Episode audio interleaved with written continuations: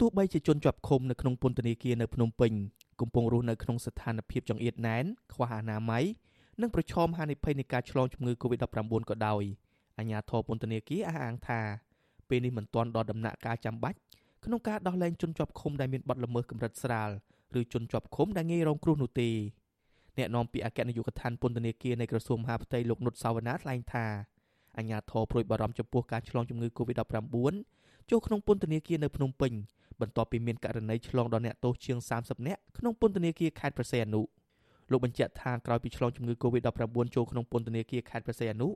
គឺអាជ្ញាធរបានជំលះជនជាប់ឃុំដែលងាយរងគ្រោះជាង100នាក់ទៅខេត្តកំពតនិងស្នើសុំឲ្យតុលាការដោះលែងអ្នកទោសដែលជិតផុតទោសជាង100នាក់ដោយឡែកចំពោះស្ថានភាពពន្ធនាគារនៅភ្នំពេញវិញលោកអះអាងថាមិនទាន់ដល់ដំណាក់កាលចាំបាច់ដើម្បីដោះស្រាយជនជាប់ឃុំដែលមានបទល្មើសស្រាលស្រាលនិងជនជាប់ឃុំដែលងាយរងគ្រោះនោះទេ ទោះបីជាមានការផ្ដល់យោបល់ពីក្រុមអង្គការជាតិនិងអន្តរជាតិក្តី អានេះវាជាជំរើសមួយដែលអាចនឹងកើតមានបើសិនបើមានការចាំបាច់ប៉ុន្តែដំណាក់កាលពេលនេះវាអត់ទាន់ដល់ដំណាក់កាលចាំបាច់ដែលយើងយកជំរើសនឹងទេណាយើងធ្វើនៅខេត្តប្រសៀតហ្នឹងគឺដោយសារវាមានឋានភាពចាំបាច់ហើយយើងវាយតម្លៃអ្នកដែលចិត្តផុតទោសហ្នឹងក៏គាត់បានកែប្រែខ្លួនដែរអញ្ចឹងទៅបានយើងស្នើទៅខាងស្ថាប័នតុលាការសូមឲ្យដោះលែងមុនការកំណត់ហ្នឹងទៅតែគាត់លែងទៅហ្នឹងមិនមែនលែងទៅទេយើងយកគាត់ទៅធ្វើចាត់តាលេខសាទៅពិនិត្យសុខភាពឲ្យបានស្បជុំជួយហើយធានាថាគាត់អត់មានមេរោគអីនៅខ្លួនចេញទៅសហគមន៍វិញអ្នកនាំពាក្យអគ្គនាយកដ្ឋានពន្ធនាគាររូបនេះអះអាងថាពេលនេះគ្រប់ពន្ធនាគារទាំងអស់នៅតែអនុវត្តវិធានការតឹងតែងជាច្រើនដើម្បីទប់ស្កាត់ជំងឺ Covid-19 ហើយអាជ្ញាធរពន្ធនាគារក៏បានសម្រុកចាក់វ៉ាក់សាំងបង្ការជំងឺ Covid-19 ដល់អ្នកជាប់ឃុំនៅក្នុងពន្ធនាគារនៅភ្នំពេញបានជាង10000នាក់ និងចាក់វ៉ាក់សាំងដល់អ្នកជាប់ឃុំនៅក្នុងពន្ធនាគារខេត្តព្រះសីហនុផងដែរទោះជាយ៉ាងណាគ្រួសាររបស់សកម្មជនបកប្រឆាំងដែលកំពុងជាប់ឃុំនិងមន្ត្រីសិទ្ធិមនុស្សយល់ថារដ្ឋាភិបាលគួរតែអនុញ្ញាតឲ្យអ្នកដែលមានទោសស្រាលស្រាលនិងអ្នកដែលមានហានិភ័យឆ្លងជំងឺ Covid-19 ឲ្យទៅនៅក្រៅឃុំបណ្ដោះអាសន្នដើម្បីកាត់បន្ថយហានិភ័យនៃការឆ្លងជំងឺនេះប្រពន្ធរបស់សកម្មជនបកប្រឆាំងដែលកំពុងជាប់ឃុំលោកខឹមភៀណាគឺលោកស្រីសុកប៉ូលីម៉ារៀបរាប់ថាលោកស្រីព្រួយបារម្ភយ៉ាងខ្លាំង អំពីសុខភាពរបស់ប្តីដែលមានជំងឺប្រចាំកាយស្រាប់ហើយកំពុងជាប់ឃុំក្នុងពន្ធនាគារព្រៃសរដែលមានស្ថានភាពចង្អៀតណែននិងគ្មានអនាម័យលោកស្រីទទូចឲ្យអាជ្ញាធរដោះលែងប្តី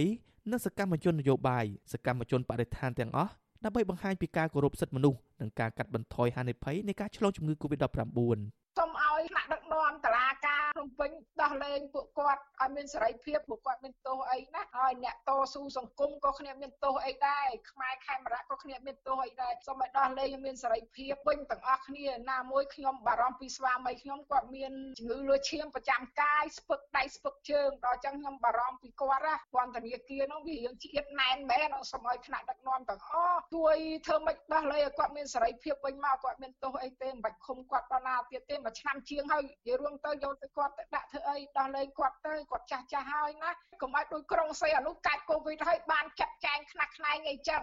ក្រុមគ្រួសាររបស់សកម្មជនបកប្រឆាំងដែលកំពុងជាប់ឃុំក៏ខកចិត្តនឹងតុលាការដែលដោះលែងអុកញ៉ាគិតធៀងដែលជាមេខ្លោងជួញដូរគ្រឿងញៀនប៉ុន្តែបែរជាបន្តឃុំខ្លួនសកម្មជននយោបាយនិងសកម្មជនសង្គមដែលគ្មានកំហុសទៅវិញ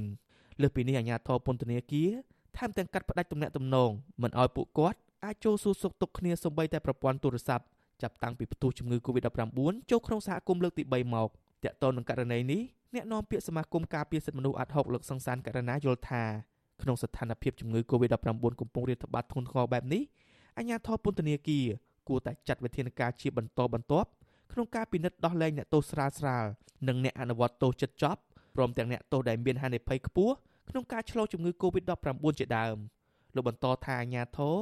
មិនគួររងចាំតតែកើតមានបញ្ហា ទើបរកដំណោះស្រាយនោះទេព្រោះទង្វើបែបនេះនាំឲ្យមានការរិះគន់ថាជាការធ្វេសប្រហែសព្រមទាំងមិនអនុវត្តតាមគោលការណ៍ច្បាប់ជាតិនិងអន្តរជាតិស្ដីពីការគ្រប់គ្រងពន្ធនាគារ បច្ចុប្បន្នយើងការពារបានល្អយើងខាងមិនឆ្លងចុះបើសិនជាឆ្លងដោយខាងពន្ធនាគារនៅប្រស៊ីនុតើវាទៅជាយ៉ាងណាទៀតអញ្ចឹងគួរតែគិតអំពីរឿងនឹងជាមុនកុំឲ្យមានហានិភ័យមកដល់ហើយបានយើងរកដំណោះស្រាយហ្នឹងវាអាចយឺតពេលហើយវាជាសំណាងដែលដូចកំពង់សោមដូចមិនមានអ្នកស្លាប់ចុះបើវាអាចដល់អ្នកស្លាប់វាប៉ះពាល់ហើយយើងដឹងហើយនៅក្នុងពន្ធនាគារគឺជាកន្លែងអប់រំកែប្រែយោងតាមច្បាប់ពន្ធនាគារហើយនឹងជាកន្លែងមួយដែលត្រូវផ្ដល់នៅការថែរក្សាសន្តិសុខសុខសុវត្ថិភាពសុខភាពមនុស្សធម៌ផ្សេងផ្សេងវាស្របតាមច្បាប់អន្តរជាតិរបាយការណ៍របស់អគ្គនាយកដ្ឋានពន្ធនាគារបង្ហាញថាចំនួនអ្នកជាប់ឃុំក្នុងពន្ធនាគារនៅកម្ពុជាមានចំនួនជិត40000នាក់ដែលនេះជាចំនួនដ៏ច្រើនលើសលប់ព្រោះអង្គការជាតិនិងអន្តរជាតិបានប្រមាណថាពន្ធនាគារគួរតែអាចផ្ទុកមនុស្សបានត្រឹមជាង26000នាក់តែប៉ុណ្ណោះចាប់តាំងពីដើមឆ្នាំ2020មកក្រុមអង្គការជាតិនិងអន្តរជាតិបានអំពាវនាវឲ្យរដ្ឋាភិបាល ពិចារណាជាបន្ទាន់ទៅលើការដោះលែងអ្នកជាប់ឃុំដែលប្រឈមនឹងហានិភ័យខ្ពស់ក្នុងការឆ្លងជំងឺ Covid-19 រួមមានអ្នកជាប់ឃុំបណ្ដោះអាសន្នដែលតាក់ទងនឹងបទល្មើសស្រាលស្រាលនិងអ្នកទោសនយោបាយជាមួយគ្នានេះអាជ្ញាធរគួរតែពិចារណាលើជំរើសផ្សេងទៀតតាក់ទងនឹងការឃុំខ្លួនអ្នកទោសដោយឈរលើមូលដ្ឋានលក្ខខណ្ឌសុខភាពអ្នកជាប់ឃុំវ័យចំណាស់ស្ត្រីមានផ្ទៃពោះនិងស្ត្រីជាប់ឃុំដែលមានកូនតូចនៅជាមួយនិងអ្នកជាប់ឃុំក្រោមអាយុ18ឆ្នាំជាដើម អង្គការឃ្លាំមើលសិទ្ធិមនុស្សអន្តរជាតិ Human Rights Watch កាលពីថ្ងៃទី11ខែឧសភាបានចេញសេចក្តីថ្លែងការណ៍សោកស្ដាយដែលសម្លេងអំពាវនាវរបស់អង្គការសង្គមស៊ីវិលត្រូវបានរដ្ឋាភិបាលធ្វើមិនដឹងមិនលឺរហូតតតែផ្ទុះជំងឺ Covid-19 ចូលពន្ធនាគារក្នុងខេត្តព្រះសីហនុអង្គការអន្តរជាតិមួយនេះរំលឹកដល់មេដឹកនាំកម្ពុជាឲ្យព្រមទទួលស្គាល់ការពិតថាពន្ធនាគារចង្អៀតណែនគឺជាកត្តាដែលនាំទៅរកគ្រោះមហន្តរាយក្នុងការចម្លងជំងឺ Covid-19 ប្រសិនបើរដ្ឋាភិបាលមិនចាត់ការឲ្យបានត្រឹមត្រូវនៅពេលនេះនោះទេខ្ញុំបាទជាចំណានអាស៊ីសេរីពីរដ្ឋធានី Washington